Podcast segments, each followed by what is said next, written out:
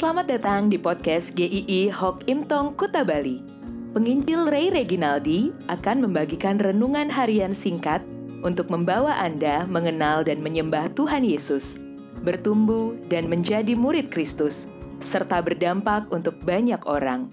Jika Anda merasa diberkati melalui renungan ini, silahkan bagikan podcast ini agar orang lain juga diberkati. Inilah renungan hari ini.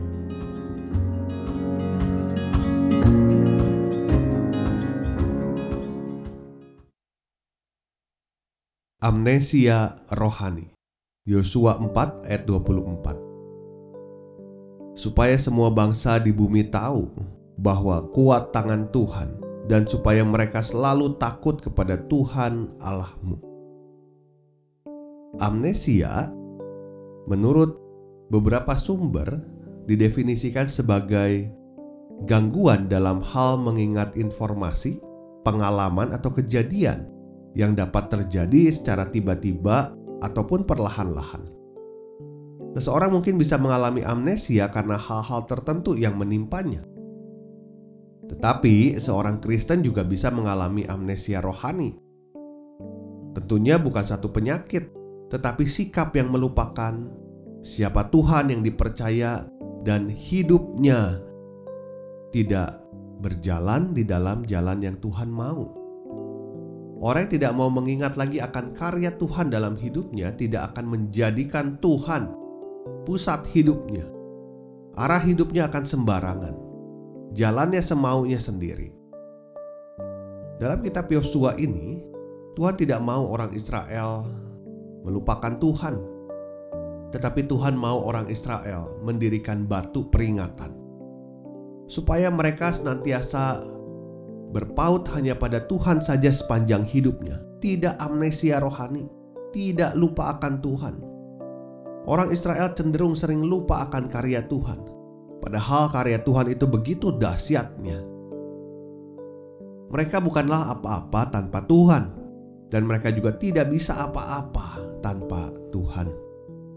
Sejak jadi budak di Mesir sampai bisa keluar dari sana, berjalan di padang gurun selama 40 tahun, sampai masuk ke tanah perjanjian.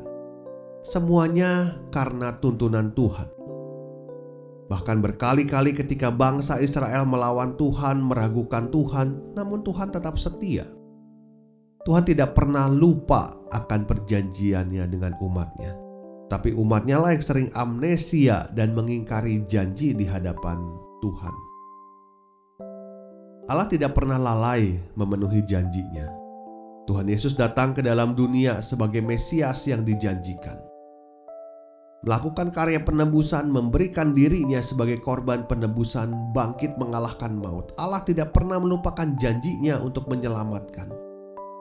Dan itu berarti dia memberikan anak yang tunggal untuk menyelamatkan setiap kita yang percaya kepadanya. John Newton, penulis lagu Amazing Grace, di masa tuanya dia berkata, Although my memory is fading, I remember two things very clearly. I am a great sinner and Christ is a great savior. Meskipun ingatan saya memudar, saya mengingat dua hal dengan sangat jelas. Saya adalah seorang pendosa besar dan Kristus juru selamat yang agung. Orang yang sudah mengalami Kristus tidak akan pernah lupa siapa Kristus yang menyelamatkan. Di dalam menjalani kehidupan ini, kita mungkin bisa terjangkit amnesia rohani. Kita mudah mencari kesenangan sendiri. Kita tidak mau tahu apa sih kehendak Tuhan. Kita mudah menggerutu atas masalah hidup, padahal banyak yang sudah Tuhan lakukan dalam hidup kita.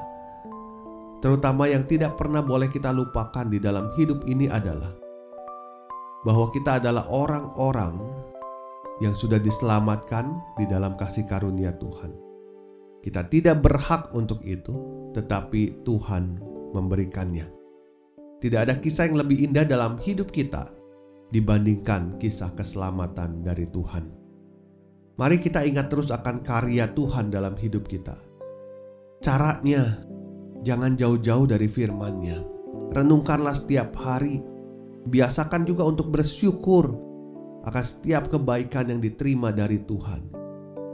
Kemudian ingatlah akan kasihnya di kayu salib. Jika kita tahu akan anugerah Tuhan, persembahan apa sih yang wajar untuk kita berikan kepada Tuhan? Episode selanjutnya akan membahas hal ini. Tuhan memberkati.